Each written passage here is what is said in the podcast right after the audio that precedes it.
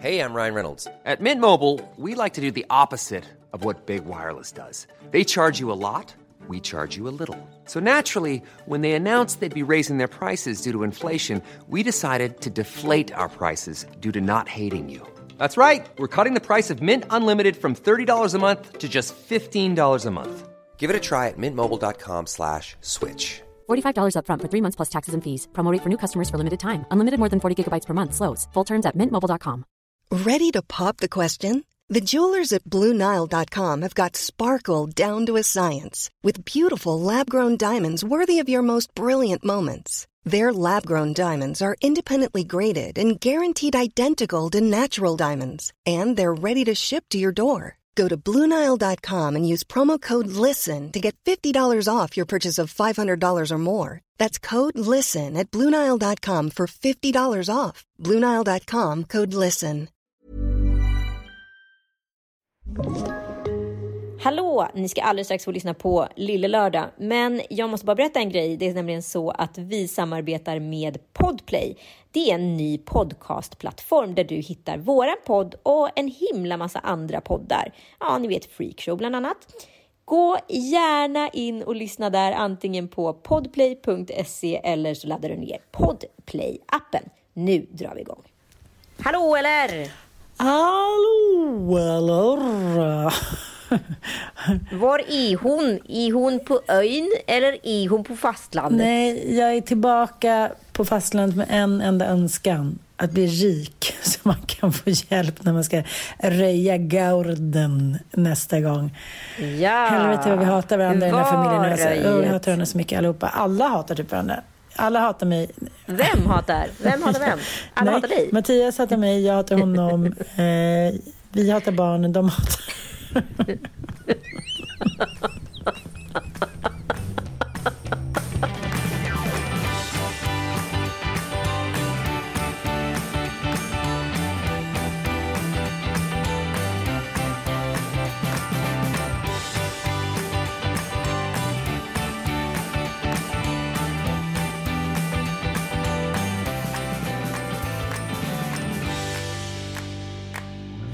Nej, men jag kan också förstå så här, typ gå omkring fyra dagar på typ en övergiven gård när mamman och pappan sa så här, men ska vi ha kvar den här spegeln? Så bara, äh, jag vill inte ha kvar. Jo, men snälla, kan, den kudden också, den kudden också. För då ska vi inte ha TV. Du vet, du fattar. Men hur kan ni göra det här med barnen? Jag förstår men- inte. Ibland är ni ju. Coronatider, vem ska ha dem där älskling? Det finns ju ingen. Ska jag ringa din mamma? Mamma, du är inte snäll. Nej, jag är faktiskt inte snäll. Men... ja, nu är det över på ön för den här gången. Nu är det över. Har du gråtit något? Inte en liten tår. Är det Mm. sant? Det här har ju ändå varit ditt core de senaste sex åren. Jag känner ju också så här att när som helst så kommer hon få stadens nyckel. Ja, varför, varför har jag inte... Ringmores nyckel till själva... Själv är riddarutrustningen. Till, till själva Riddarhus. Riddare, så här, Nej, men jag är, är chockad för som, som är, vad ska jag kalla det för, exil-stockholmare slash hobbygotlänning så har ju du verkligen satt, får vi säga norra Gotland på kartan. Eh, Ja, jag skulle säga att du kanske ligger strax efter Alex Schulman i din vurm över. Ja, Sigge och Alex, de, har ju, de har ju ägnat... He- Ja, fast Sigge ligger efter dig. Sigge jo, men de har ägnat, ägnat, ögnat hela eh, poddavsnitt åt denna lilla del av norra Gotland, Valleviken och Rute. Så att, eh, men, men, nej, jag håller med dig. Jag har ju ställt, ja, det har ju varit tidningar och det har varit, ja, nej, jag håller med dig. Radiointervjuer. Vad är den där jävla nyckeln? Eh, nej, men det här är ett väldigt bra sätt att inte bli sentimental. Att så här, ha två ungar i liksom någon konstig jättejobbig ålder med sig och eh, en stressad man som inser att han ska tömma en laude eh, som in, ingen har varit inne i sedan 1833 då det- den sista grisen blev slaktad. Men de som ska flytta in fick laude, så det är bra. Mm. Oh, Vad skönt ändå att flytta in och köpa något nytt sådär som bara någon har bara så piskat upp i sista sekund. Ja, säga. men absolut. Men eh, nu är det väldigt fint där och jag måste ändå säga att jag måste så här, det är härligt att lämna med flaggan i topp och det här är ju ett vanligt fenomen ja, hos människor att man säger precis när man ska sälja det så där, då ska man måla om och då ska man fixa det sista och ta bort allt bråte. Nu är det så fint där så att det Ja, men det känns bra. Men, men, men jag kände ändå så här, ja, jag är klar nu. Jag är klar med det här huset. Tack för allt. Puss och kram. Så var det ju faktiskt med mitt hus också. Det blev ju liksom klart precis året eh, innan, eller nej men alltså vid årsskiftet med liksom grund och alltihopa. Så bara så här, nu är det ju mint condition. Ja, men här skulle man ju kunna bo. Nej, vi säljer. Men då måste det ju vara så att man säger det där klassiska uttrycket att det är vägen dit som ändå är det som får en att gå igång. Jag, jag kan inte tolka det på något annat sätt. Fast projektet Sommarhus är ju, är ju liksom någon form av, eh, vad ska jag säga, eh, hopplös förälskelse. Mm, det är någonting mm. man snickrar, lappar och lagar på. Man byggs ihop, man bryts isär, man hatar skiten, man älskar det. Och så håller det på sådär och sen så bara vårdar man den här relationen genom att göra små olika renoveringar då och då. Punktinsatser för att så här blåsa glöd i liksom eh, kärleken. Och så till sist när den egentligen är alldeles perfekt, ja, då går man skilda vägar.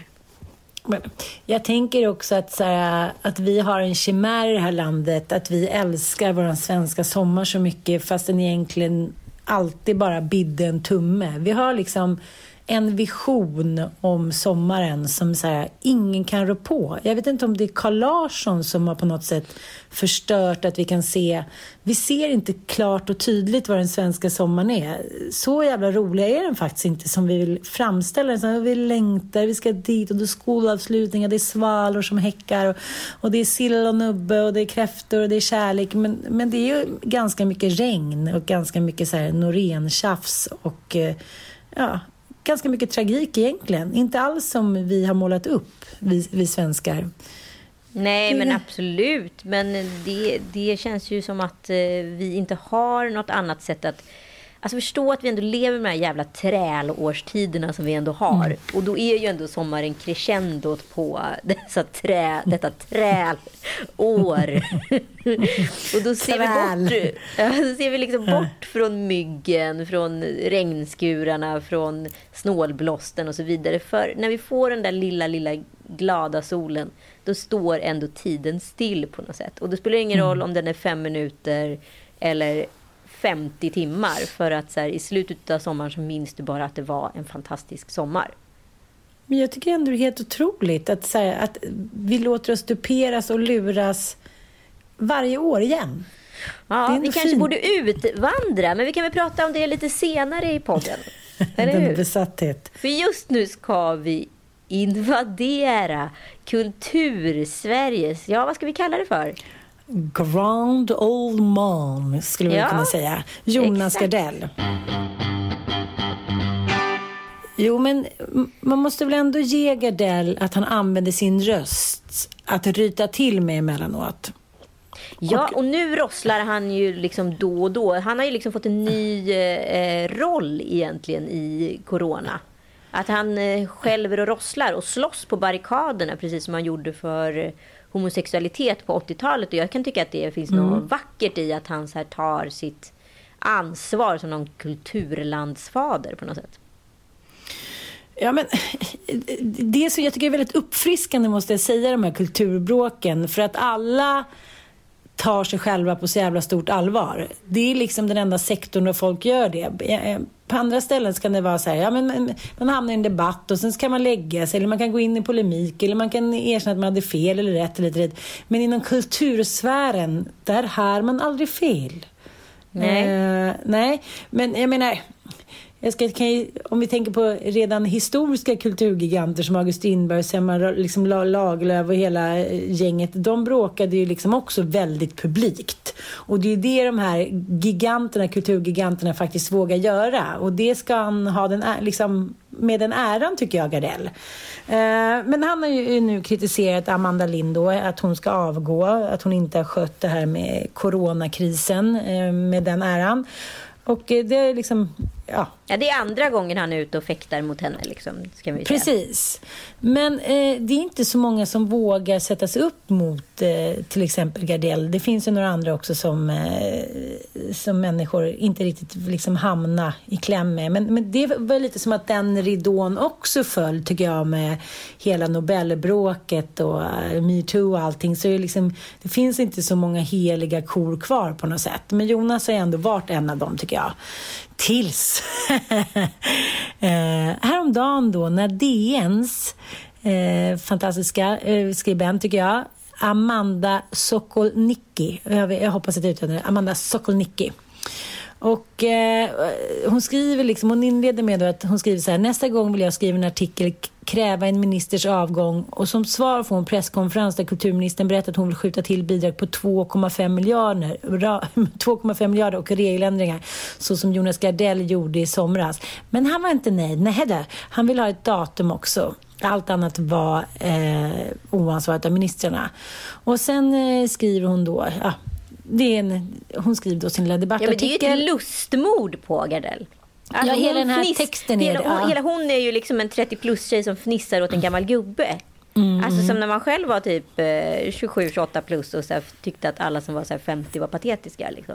Ja, och då, då menar hon på att, att han kräver då att, att äh, alla ska visa då solidaritet med kulturarbetare. Men vad visar han då för solidaritet med de sjuksköterskor som liksom då inte har återhämtat sig efter det slavgörat som skedde under våren. Sen skriver hon det här det, det finns ja. något djupt osunt att i som medborgare bete sig som regeringens bortskämda barn i baksätet som sitter där och i text efter text ropar Nej, vi är framme! Mm. Väldigt så, roligt formulerat. Ja, alltså. ja, det är Otroligt men, kul. Precis, men sen fortsätter liksom... Eh, ja, det fortsätter. Det är verkligen ett lustmord. Och det här har ju då um, såklart mottagits uh, ja, lite blandat. Men, men de flesta har ändå stått på Gardells sida och replikerat detta då. Och uh, han har själv svarat också mm. Och det här tycker jag är underbart. Det har de senaste dagarna börjat spridas en legend att bara använda uttrycket legend efter två dagars debattartiklar. Men det är underbart. eh, de är så roliga alltså. Ja, Hur roligt. kan det vara så otroligt komiska? Ja, om att Jonas Gardell är självupptagen och Gardell talar egen sak. Och att jag skulle strunta blankt i att smittan sprids i Europa, ta lätt på covid-19 och kräva en omedelbar öppning av landets teatrar. Det gör mig både ledsen och förbannad. Grövsta påpen kommer från DNs Amanda Sock Sokolnicki som i en infam och direkt lögnaktig krönika påstår att jag struntar blankt i att smittan ökar. Ja, man måste ju få försvara sig. Och, eh, och det gör han ju.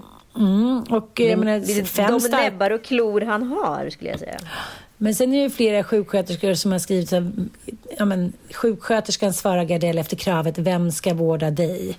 Och sen så fem så här, tuffa, starka företrädare för kulturlivet eh, försvarar Gardell. Så det är både och liksom. Men det är någonting spännande med det här tycker jag. Eh, rent historiskt så det är klart att eh, högdjuren alltid har bråkat med varandra eftersom de alltid tyckt att de har, ha, eftersom de alltid tycker att de har rätt. Men det finns något intressant i det där att eh, när på något sätt ridån faller att även liksom the highest of the highest, the untouchables får sig en känga. Jag menar inte att, jag håller inte med om i det här fallet kanske att det här var rätt. Men det finns ändå något uppfriskande i debatten, förstår vad jag menar? Absolut, och mm. jag tycker också så här, det fanns mycket vettigt utav det som sades av kulturexperterna och eliten. Och jag tycker att Gardell har många poänger i hans eh, texter också. Men jag tycker också det var väldigt roligt att se någon som vågade liksom rikta stenen mot Goliat och kanske träffa honom ja, lätt irriterande på höger tinning. Så kan man väl säga. Mm. Ja, men jag bara tycker det är roligt. Jag läst, ja, men hur, hur, om vi tar till exempel Verner von Heidenstam och August Strindberg. De höll ju på och bråkade hela tiden. Liksom. Ja. Uh, ja, men det var evigt och de anklagade varandra för både ena och andra tillkortakommanden. Och, ja. Det finns ändå något så intressant med att kulturen då alltid så här åberopar media i sina former av bråk också. Att det hela tiden detta vad ska jag säga, sammetshansk krig måste ske inför öppna ridåer. För annars är det liksom inte någon verkshöjd i bråket. Alltså det finns ingen, det finns det är ingenting som man kan diskutera på en middag för då kommer det inte, det kommer inte hända någonting. Utan du måste ju hela tiden ha media som vittne till det här på något sätt. Så det är väldigt intressant för oss andra som kan sitta på sidan om och käka popcorn. Och vet du vad jag kommer på nu som var väldigt, väldigt roligt? 2007, då hade ju då de här manliga författarna i Sverige noterat en oroväckande trend, kvinnliga författare. Leif GW Persson gick ut och även Ranelid då, han sa det att eh, en miljon människor kan skriva som Lisa Marklund. Oj! Sen kom Camilla Läckberg, fan vad rätt han fick. Och GV skrev, en del deckarförfattare som Läckberg håller samma litterär kvalitet som en novell i min häst. ja, och men, snart efter... men varför blev de så rädda för det? Om det säljer, spelar det någon jävla roll? Nej, det var ju bara, de kände sig väl hotade. Ja, för alltså, så här, om man nu tar liksom hela falangen då, vad ska man säga, Marklund, Rudberg, Läckberg, alla, alla liksom mm. som har kommit efter, Sarenbrant etc. En hel svärm av kvinnor i samma liksom typ av, vad ska jag säga, eh, falang. Vad är det som gör deras böcker sämre än en deckarkrim, eh, liksom, kriminologi? Alla, läck, alla förlåt, eh, GV. Nej, nej det är bara... Jag och tror jo, det, är pojklitteratur och flicklitteratur. Det är väl inget konstigare än så. Jo, men det här kommer liksom som en ångvält till hela deckargenren. De blev skitskraja. Det är roligt att Camilla svarade då skitsnack från äldre herrar som verkar känna sig förfördelade på något sätt och konstaterar att han lär väl liksom jag aldrig få någon August-nominering. det var ju vasst svarat, ja. det måste man ge henne. Sen är han på henne mycket och kallar hennes eh, Fjällbackamorden, en filmserie som GW beskrivs som undermålig. Fin och fulkultur, eh, eller är allt fult? Det är ju en svår fråga. För en annan fråga om kultur sker ju i podden Poddelipodd, eller Nors ja. Poddelipodd med Schyffert. För här mm. kan vi prata liksom eh, vad som är rätt och fel till döddagar, tror jag. Om man får lyssna på dem i alla fall. Jo, men alltså, jag ska faktiskt ge det som tips till mina barn, om jag ska ge dem någonting. Eh, så säger så här, le med människor som ligger liksom lite före sin samtid, så att alla blir oroliga att de inte ska hänga med. Lite så här kejsarens nya kläder. Och så hänger ni med dem, då är man ju liksom untouchable för resten av sitt liv. Och jag kommer att tänka på det där idag när de skriver om den här Dramatenpjäsen som Killinge inte skulle göra och eh, Robert Gustafsson var deprimerad. Och de skriver om det i boken och de säger om det så här, men han var ju så högst i hierarkin så när han kom in och bjöd på bullar och var glad efter depressionen, då blev alla så jävla stressade. Att så här, om man finner sig i den här hierarkin så får man vara kvar. Men om man inte gör det, man går in och käbblar med, vill vara likvärdig som kanske du och jag skulle gjort, då åker man ut. Utan i den här kultureliten så vet alla sin plats. Men det är någonting som inte är tydligt utåt överhuvudtaget.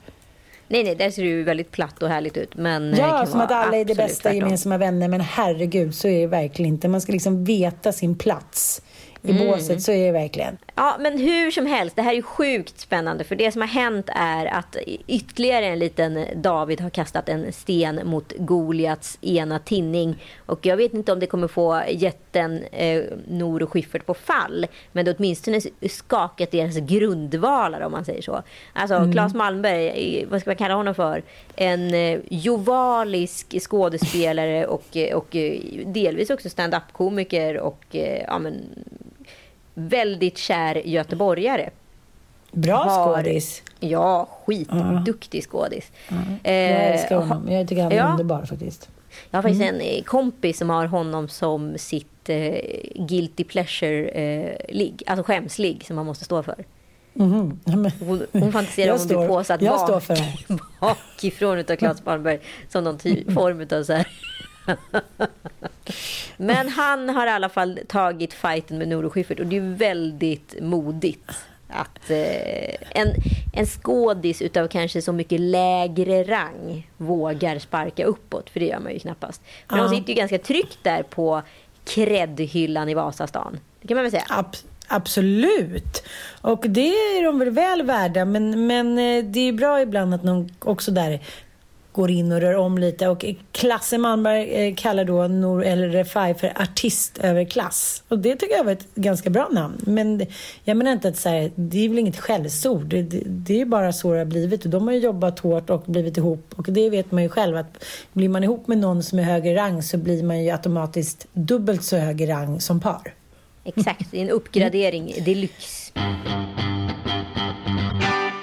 Så här är att Nor blev då, eh, alltså, när hon var 18 så gjorde hon ett eh, humorprogram som heter Rai Rai. Mm, det kommer jag också ihåg, för Cissi Fors var ju med i det. Det var väldigt många så här up and coming komiker som var tilltänkta där. Jag får med att, ja. var det här Peter Magnusson produktion på något sätt? Jag får med att det ringer någon liten klocka. Ja. Ja, men det var det säkert. Men det hade ju sina pengar. Men då var det i alla fall en scen där Nor blottar sig för en man i en ja, park, det här, är ett det här är ett prankprogram, mm. kanske vi ska vara tydliga med. Så att det var olika pranks som skulle utövas på vanlisar, helt enkelt.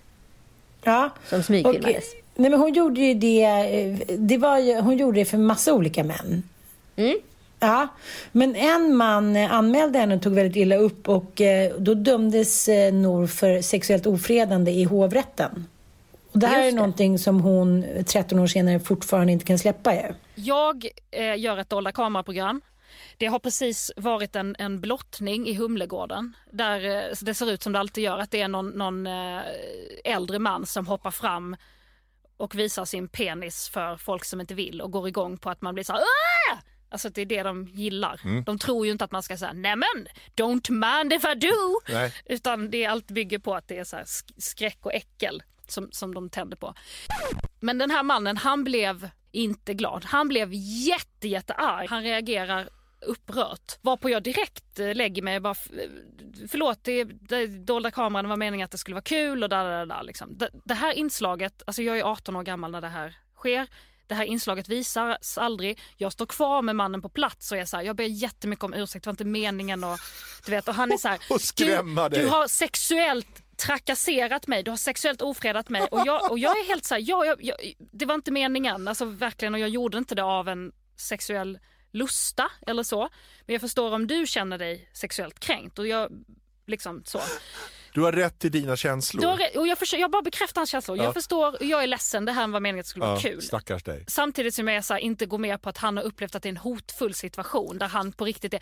Och tänk om det var tvärtom, säger han hela tiden. Ja, men nu var det tvärtom. Det är jävligt stor skillnad på om det skulle vara du som kom och visade. Liksom, ja. ja, men eh, om jag har förstått det rätt här så tycker Nor att om han, den här mannen då som anmälde henne för sexuellt ofredande skulle gjort samma sak och visat kuken så skulle det varit en mycket, mycket större grej. Ja, ja absolut. absolut. Ja, mm. Jag fattar också så. Eller är jag helt dum i huvudet?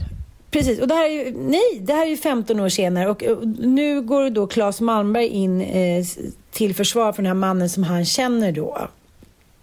Eh, efter att Schyffert och Nor har tagit upp det här i sin eh, podcast då, efter 15 år. Han tycker att de svartmålar hans vän. Just det.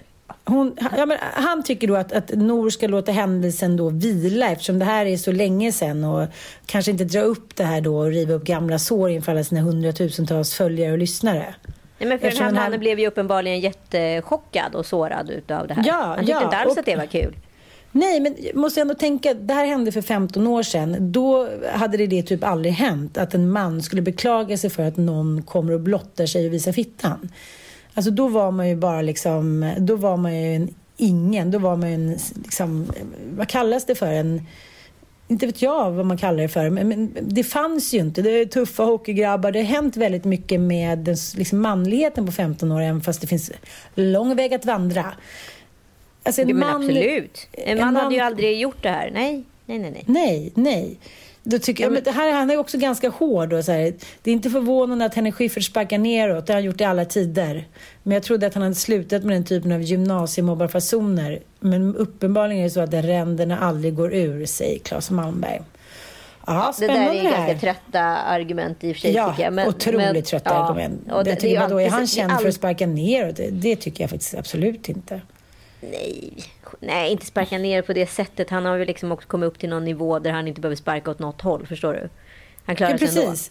ändå. Ja, han, han sitter upp och det tycker jag i och för sig att Claes Malmberg också gör. Nej, nej, nej, han sitter på någon pinne längre ner. Men absolut så sitter Schyffert och dinglar med benen och ibland så kanske det ramlar, ramlar ur en och annan sko, sten ur skon om man säger så. Då.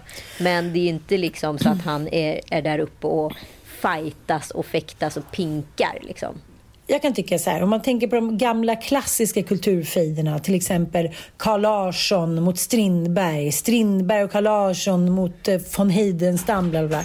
Där var det giganternas giganter som hade lika stora plattformar. Då tycker jag helt plötsligt att det är spännande. Då hettar det till. Då blir det både roligt och intressant och kulturellt och barnsligt och allting. Men när människor med jättestora plattformar börjar sparka, eller man ska säga prata om människor utan plattformar då blir vi lite så här, men släpp sargen nu. Eller? Ja, men alltså grejen är, det, och det här händer ju hela tiden i vårt samhälle, att det finns en extrem så här, ojämställdhet i debatter. Därför blir de ju sällan rättvisa. Man älskar ju titankamper, det är därför man älskar eh, valvakor och politiska debatter och sådana saker. För där lirar man liksom i samma ring. Men är, du kan ju inte ställa in en tungviktare mot en lättviktare och tro att lättviktaren ska vinna. Så är det ju bara. Jag Nej. tycker det är intressant för att jag la upp ett inlägg eh, på min eh, Instagram här i precis i fredags. Och för jag mm. åker alltså förbi typ den skönaste kvinna jag har sett i hela mitt liv. Hon har, åker på en eh, moppe till att börja med. Hon vägrar åka på cykelvägen. Hon åker på en moppe som blir liksom omcyklad på cykelvägen utav cyklister. Men ligger i bilfilen. Och på sig har hon en, liksom, en magkort eh, liksom, eh, täckjacka lågskor där man ser att hon sitter i princip barfota i ett par så här ballerina flats. Det är ganska kallt ute den här dagen. Och hon blottar sin buk liksom. Alltså mm. jag önskar, jag bara kände så här, det här är en fri kvinna. Hon är fri. Hon, är liksom, hon skiter i alla och allt. Hon kör sin egen jävla stil och bara gör det. Så här, saker som jag skulle drömma om att våga vilja göra. Hon är kroppsfri, hon är normfri, hon är skrupelfri. Hon är så här, här kommer jag flytta på er. Alltså verkligen en så här i fuck you all. Liksom. Någonstans queen of fucking everything. Men ändå. Men du vet bara så här. Bara, bara så här. Åh herregud, hon är liksom mitt spirit animal. Jag vill vara henne, men jag kommer aldrig kunna bli henne. Men jag älskar henne. Så jag lägger upp ett eh, inlägg på Instagram där jag kallar henne för fredagschef. Det här då tolkas då helt fritt av bloggkommentarer till någon form av body shaming inlägg. Att jag så här, hånar henne för hennes utseende. Som är så jävla långt ifrån där jag försökte säga med det här inlägget. Vilket är så sjukt. Och då blir det ju såklart de här människorna då som bara rycker ut som en jävla larmcentral. När någon då har skrivit något opolitiskt korrekt på Instagram enligt bloggkommentarer. Till den här personens försvar. Till bloggkommentarens försvar. Jag antar att det är det ärendet man vill gå. För då går man in och så berättar man för mig vilken usel människa jag är som bodyshamear den här kvinnan. Och jag försöker förklara upprepade gånger liksom i feeden att det är inte alls det som är syftet utan syftet är att hylla henne för att hon är så jävla skön. Men ingen vill lyssna på det. Och då blir det ju liksom lite fake news. Det här är ju 100% populism. Det är alltså någon som har tolkat ett, mitt inlägg utan att förstå sammanhanget alls. Sett en kvinna med mage på bild och förutsatt att jag har hånat det. Alltså det är så långt man har gått i sin, i sin källförteckning på det här liksom. Jag har sett något, jag reagerar och jag skriver om det. Och sen så i tredje person så reagerar de här personerna, springer i den här personens försvar och liksom agerar som någon form av moralpolis på utryckning utav, med, med fullt larm påslaget. Liksom. Och man bara så här, vad är grejen med den här populismen? Den är ju på riktigt farligare än själva inlägget i sig. För att det här är ju exakt vad fake news är. Man fattar inte vad man skapar med det här. Liksom. Istället, alltså det finns ju ingen källhänvisning så därför tycker jag att så här, den debatten som ändå förs i debattforum som Jonas Gardell-debatten eller kulturdebatten eh, däremellan. Den, för, den förs i ett tryckt medie med liksom en ansvarig utgivare. Det som sker i en podd, precis som din och min eller Nors och Henriks podd eller podd, eh, där blir det ju liksom svårt att så här, eh, inte slå neråt. Liksom. Alltså, förstår du, vad, vad är det som har hänt här? Ja, men det som har hänt är, det som hade varit riktigt roligt hade väl varit om du hade så här, själv gjort det där och filmat det. Det hade ju varit att vara liksom eh, glad och positiv. Jag tror att det som händer är att människor känner att du är rolig på hennes bekostnad. Fast jag Just gör mig för... inte rolig på hennes bekostnad. Jag älskar ju henne. Jo, men alltså, människor, känn, ett, känner du henne till exempel? Absolut inte, men man kan ju inte heller avslöja vem hon är. Eftersom hon har på sig hjälm. Du ser ju inte hennes ansikte. Nej, men eh, om man, ska se, om man ska se politiskt korrekt så skulle man ju då ha frågat den här kvinnan så här, jag tycker du är så himla härlig och du, du står för någonting positivt och du vill vara dig själv. Är det okej okay att jag lägger ut den här filmen? Alltså förstår du vad jag menar? Är, är det det? Okej, det så det? jag heter Messiah, Messiah Hallberg eftersom den här debatten mm. alltid handlar om kvinna mot kvinna. Om Messiah mm. Hallberg lägger upp ett roligt klipp på en kille han ser på stan. Eh, skulle han behöva hamna i den här diskussionens bloggkommentarer då? Nej, Nej du, förmodligen du, du inte. Nej, du har nog rätt att det är... Eh, man tar för givet att en kvinna inte ska liksom svärta ner en annan kvinna eller bodyshamea. Men man tänker att det gör män för att det har de gjort alla tider och det är roligt. Men jag vill bara säga så här. Det fanns ingenting med det här inlägget som jag ville få folk att skratta. Det fanns ingenting. Jag ville verkligen så säga hon är så jävla urskön. Ser ni inte vad jag ser? Men folk ska då reagera antingen att det här är skitkul så man ska garva ihjäl sig åt henne. Eller så måste man reagera att man bodyshamear henne. Och det här finns ju ingenting i det här som jag vill förmedla. Jag är helt med på att man inte behöver hålla med om att det är kul. Och det var ju inte syftet heller. Jag ville hylla henne. Men jag fattar, men, men man tänker så här, skulle någon annan kvinna som kanske inte har eh, hamnat i blåsväder just när det handlar om body shaming. Jag minns en podd som du och jag... Jo, men det precis... spelar väl ingen roll. Det är, det är väl jättemånga som hamnar i blåsväder för body shaming. Alltså det är inte bara du och jag, Ann Söderlund. Nej, jag vet, men jag tänker så här. Skulle någon kunnat komma undan med den filmen som du la ut? Eh, ja, Skulle någon Hallberg. kvinna? Ja, men skulle någon kvinna kunna gjort det? Ja, kanske Mia Skäringer. För att hon är ju då på, mm. liksom, förstår du? För hon är då på den här eh, kreddhyllan som Schyffert och Nour sitter på. Untouchable. Hade hon mm. lagt ut den här kvinnan och sagt att jag älskar henne, hon är min spirit persona. Så hade ju folk bara, oh yeah, liksom. För att Mia har bjussat på lite hull, hon har Tabita som karaktär och så vidare. Då är det inte body shaming, då är det hyll. Men när jag mm. gör det då, som har posat i bikini vid något tillfälle då är det en body shaming. För att det har Stina Wolter bestämt att jag, jag håller på med. Du är alltså Claes Malmberg? Jag är Claes Malmberg i situationen. Jag förstår att folk så här, man ser det där och bara, gud vad är det här? Men måste man alltid reagera med, gud vad är det här? Är inte det att göra sig själv en jävla otjänst? Jag tycker det är skitintressant debatt mellan Nor och Schyffert och vad heter det, Claes Malmberg och, och, Alltså att det här pågår. Det är ju svinspännande. Att någon vågar. Men liksom mm, mm. I, i det här fallet med bloggkommentarer, det ser man ju ganska ofta. Hon går in och riktar olika små arméer, precis som vissa andra kända eh, profiler med stora konton gör. Och sen kan du bara kötta igång din shitstorm och bara kolla på skådespelet som spelas liksom. Men det är ju också intressant för det finns ju liksom en populismvåg som så skickas ut eh, hela tiden. Att man liksom man reagerar och man tycker. Man kanske inte hela tiden går till botten med allting man, eh, man ser på. Men det har ju hänt någonting radikalt i Danmark. Urlandet. Ja. Eller urlandet i metoo-situationen. Ja, alltså, det, deras eh, metoo-rörelse var ju lite som en, så här, ett krus på Riddarfjärden ska jag säga. Det hördes inte många röster där bortifrån. Nej, gud nej. Nej, vad ska jag säga? De, jag vet inte vad det var som hände. Antingen så vågade folk inte liksom öppna käften. Men sen är det också om man till exempel eh, om man tänker på Lars von Trier. Mm. Eh, Dogma-erans eh, mästare. Ja, alltså det som de har stått för i alla filmerna då med, med skydd av dogman har ju varit ja, vad ska man säga, lite som eh, Jens Liljestrand skriver i, i Expressen då att så här, von Triers legendariska producent Peter Albach Jensen. Eh, han kunde med en axelryckning klara sig undan anklagelser som, som i de flesta andra västländer hade inneburit livstids yrkesförbud. Nej, men de hade ju ett runkbås eh, under inspelningen till exempel så att eh, männen då när det föll annan på fick gå ut och runka så då fick de ta en liten paus. Mycket sextrakasserier, mansgrisighet. Micke Persbrandt har ju skrivit det eh, i sin självbiografi.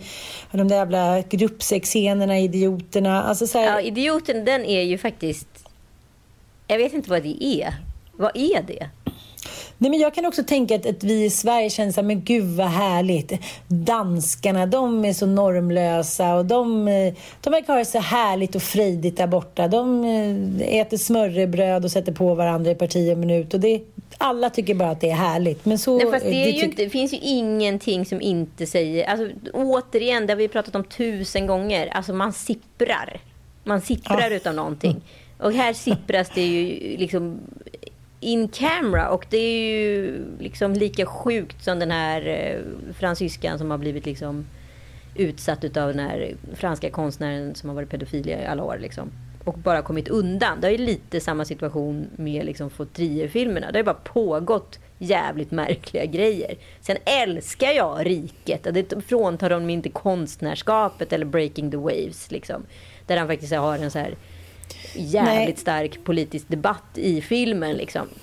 Men idioterna, där är det ju bara någon som har spårat i någon, någon form av missbruk. Om det är sex eller droger, det vet jag inte i det här fallet. Nej, men det spårade väl för, varje film som kom och gick så spårade det väl lite mer. Ja, lite men... mer. lite mer. Det skruvades och skruvades och skruvades. Sist det gick, mm. slog det runt sin egen axel. Men jag tänker när någonting anses vara så förnämligt kulturellt så är det heller liksom ingen som riktigt vågar ifrågasätta förrän skiten har liksom hittat fan lite för många gånger. Jag, jag, tänker på den här danska tjejen då som eh, en programledare, Sofie Linde. Yeah. Ja, eh, hon eh, höll ett tal. Hon var, hon var eh, programledare för Comedy Gala. Ska vi lyssna eh, lite på det? Ja, det är vi. Men prøv at, det er heller ikke fordi, det skal ikke blive ubehageligt det her. Jeg har lovet, at vi skal hygge os, og cheferne fra TV2 er her også i aften, og de kunne rigtig godt tænke sig, at, øh, så siger de i min øresnegl, at vi lige speeder lidt op på den her. Men som sagt, jeg, jeg, jeg, det er ikke for at være specifik, men altså, jeg bad om halvdelen af det Blackman får. Og fik det ikke. Bare rolig. Altså, jeg bad ikke om en husbåd, jeg bad om en jolle, og jeg fik det ikke. Altså, det jeg prøver at, at sige, det er, at vi kan sagtens lege, at der ikke er forskel på mænd og kvinder i Danmark. Den leg kan vi sagtens lege. Det er bare ikke rigtigt. Det er bare ikke rigtigt. Jeg tror, Nej, det handlar om den här Sofie Linde som har varit då programledare för en humorgala i Danmark. För övrigt den första tjejen på 18 år som fick vara eh, programledare. Hon eh, berättar då eh, i, ja, i inledningstalet då på den här galan dels att hon är gravid och dels att ja, hon var då 18 år och precis hade börjat på Danmarks Radio. Och då berättade hon då att de precis skulle äta jullunch och jag hade glatt mig. Ja, vi kan lyssna lite. Mm. Jag vill starta Danmarks Radio. Vi skulle til julefrokost, og jeg havde glædet mig. Og så kommer der den her store tv-kanon op, tager fat i min arm og siger, hvis du ikke går med ud og sutter min pæk, så fucking ødelægger jeg din karriere. Så ødelægger jeg dig. Jeg er ret sikker på, at du kigger på mig lige nu. Du ved godt selv, hvem du er. Du ved også godt, at jeg sagde nej hon vill då, jag tänker så här, hon står upp för alla kvinnor. Hon säger det gick ju ganska bra i alla fall, även att jag sa nej och alla jublar. Och hon återkommer till att hon vill ju då inte skapa någon dålig stämning. Men det sjuka är i hela den här grejen att hon berättar också att hon får hälften av den lön som han då, Thomas Blachman, som är då, han är tydligen, jag har inte sett det danska X-Factor, men eh, han som är domare då i eh, danska X-Factor, han slog igenom 2013 med det här tv-programmet Blachman. Har du sett det? Ja, jag har sett det. Han var, en, han var en, en dansk tv-ikon back in the days. Nej, men alltså det här är 2013. Du vet, när jag gick in och kollade på det här på Youtube, jag, jag var tvungen att titta runt och se så här, när kommer någon in och säger att det är Canet Camera?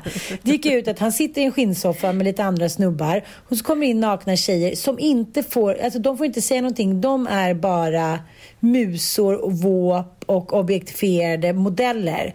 Och, ja, men, ja, men de använder dem lite som, så här, lite som när man ska köpa en, ja, men som slavhandeln. De vänder på dem lite och så kommenterar de om, om liksom, de här kvinnornas bröst är för stora eller för små. Varför har hon rakat sitt kön? Och hon har inte rakat sitt kön. Nej, vet, och det här finns ju förlaga till just det programmet som eh, den fantastiska radioprofilen, eller vad man ska kalla honom för, Howard mm. Stern hade i, eh, i tv. Ett helt sinnessjukt program där han lät olika då, eh, porrstjärnor rida på en sån här sybian eller vad det heter. Det är någon sån form av superdildo utan någon form. Som är liksom fastmonterad i någon bänk. Och då ska de då... Nej men då, då ska då de komma live inför fyra snubbar som sitter där. En reglerar den här sybianens hastighet. Howard Stern sitter där och sen ska de då vara två killar som blir väldigt kåta då som resultat utav att de här tjejerna kommer. Eh, ja, det, det, var, det här var ju då den snällare varianten utav det programmet. Men det fanns ju en sån riktigt göttig sexisttrend i tv på den tiden. Ja, men, det känns lite som att det här verkligen har behövts och det är inte en dag för tid. Det är klart att det har varit liksom säkert ettervärre där i Danmark när alla är så jävla fryntliga och härliga och det ska inte vara dålig stämning och folk går och dricker öl på stan och kvinnor är kvinnor och män är män liksom. Men eh, nu har i alla fall debatten eh, ja, satt igång rejält. Ja, det har blossat eh, ordentligt. Fan vad ja, det skruv. Så hon ja. blev liksom the whistleblower utan att veta om det. Eller så var det högst medvetet. Ja, men gud. Ja, ja. Det, det, var säkert Men vi ska inte glömma bort vår, ett annat fantastiskt program på samma tema när vi ändå pratar om Blachman. Att eh, ni kommer väl alla ihåg eh, programmet Tutti Frutti med sin förlaga i Italien som vi hade här hemma i Sverige med programledaren Bruno Wintzell. Där mm. allt ifrån fröken Mandarin till fröken Clementin kom och öppnade upp sin bh och visade brösten. Och där stod det ett nummer, så det var någon form av bingo slash tuttshow.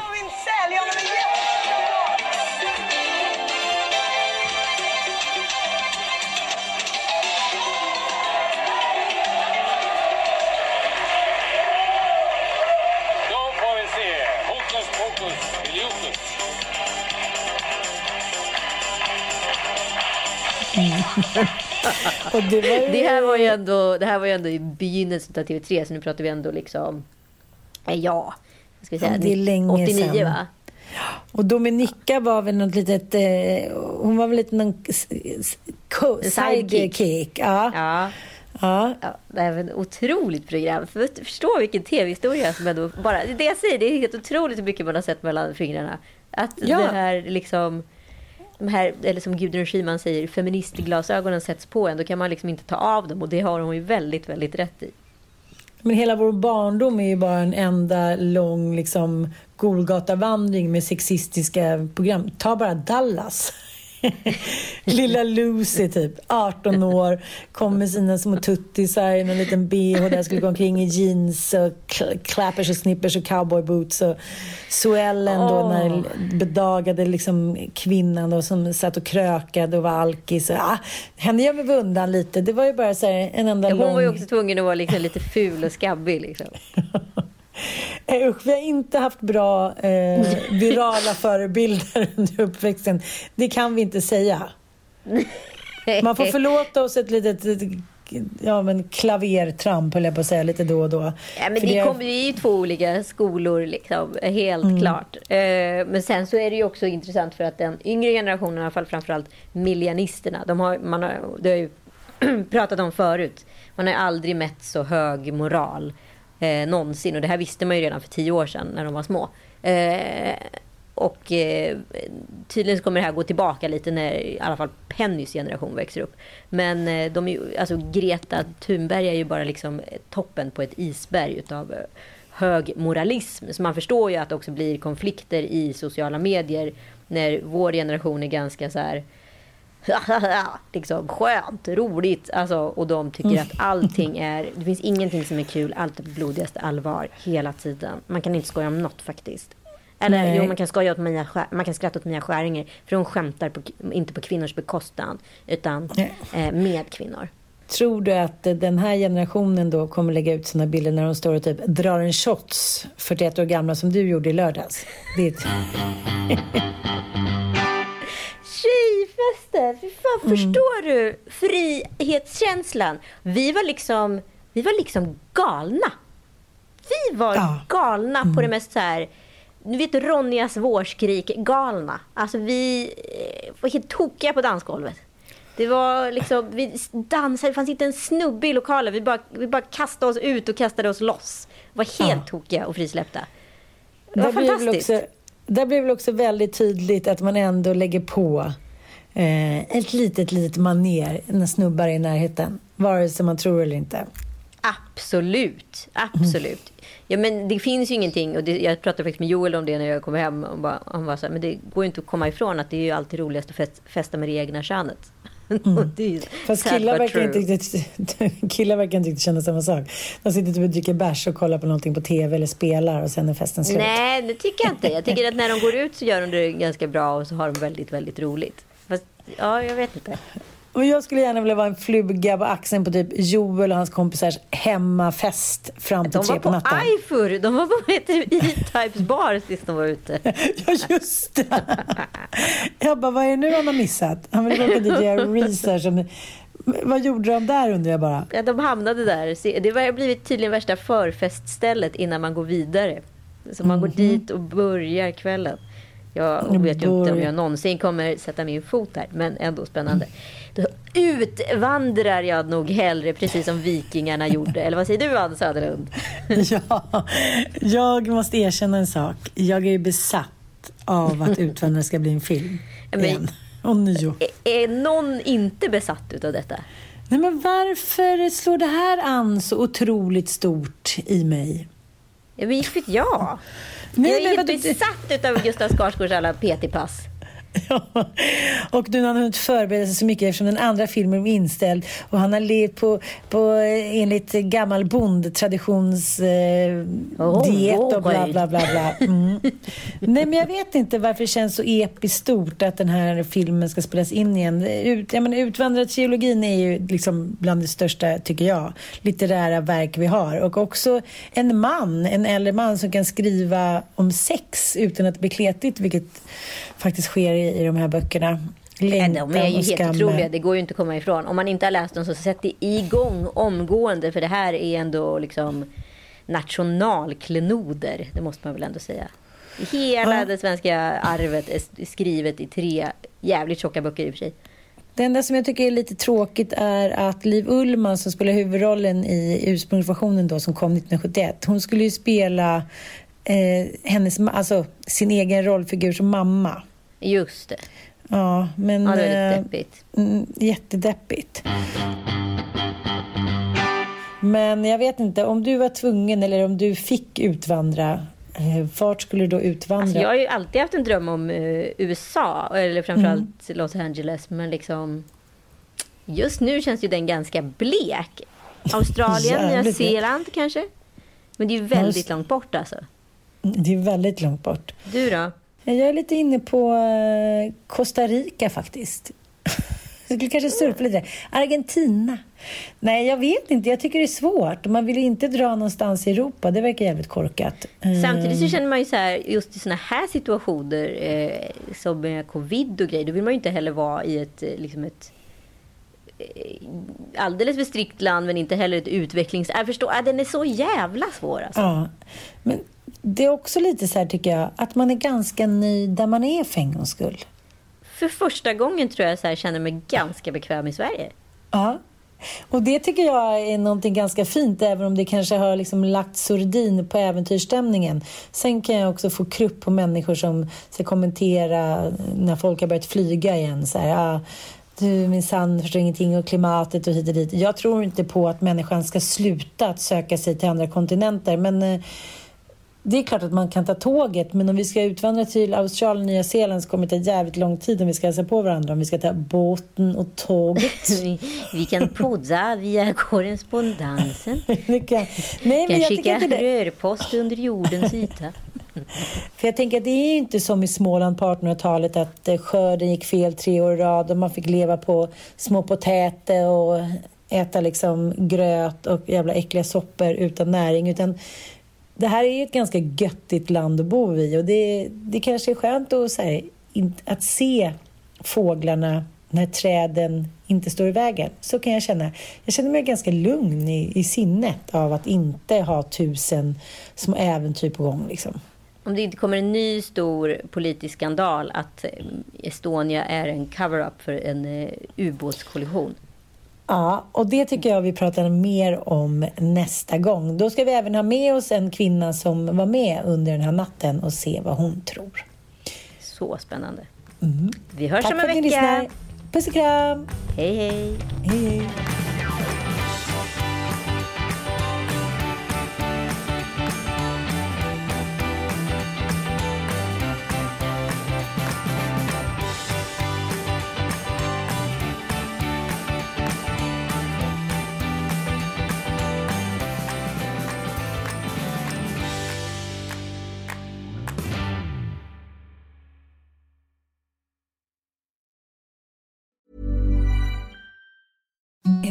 softest sheets you've ever felt. Now imagine them getting even softer over time. That's what you'll feel with Bowl and Branch's organic cotton sheets. In a recent customer survey, 96% replied that Bowl and Branch sheets get softer with every wash. Start getting your best night's sleep in these sheets that get softer and softer for years to come. Try their sheets with a 30-night guarantee. Plus, get 15% off your first order at bowlandbranch.com. Code BUTTERY. Exclusions apply. See site for details.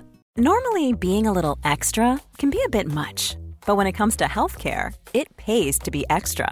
And United Healthcare makes it easy with Health Protector Guard fixed indemnity insurance plans. Underwritten by Golden Rule Insurance Company, they supplement your primary plan, helping you manage out of pocket costs without the usual requirements and restrictions like deductibles and enrollment periods. So when it comes to covering your medical bills, you can feel good about being a little extra. Visit uh1.com to find the Health Protector Guard plan for you.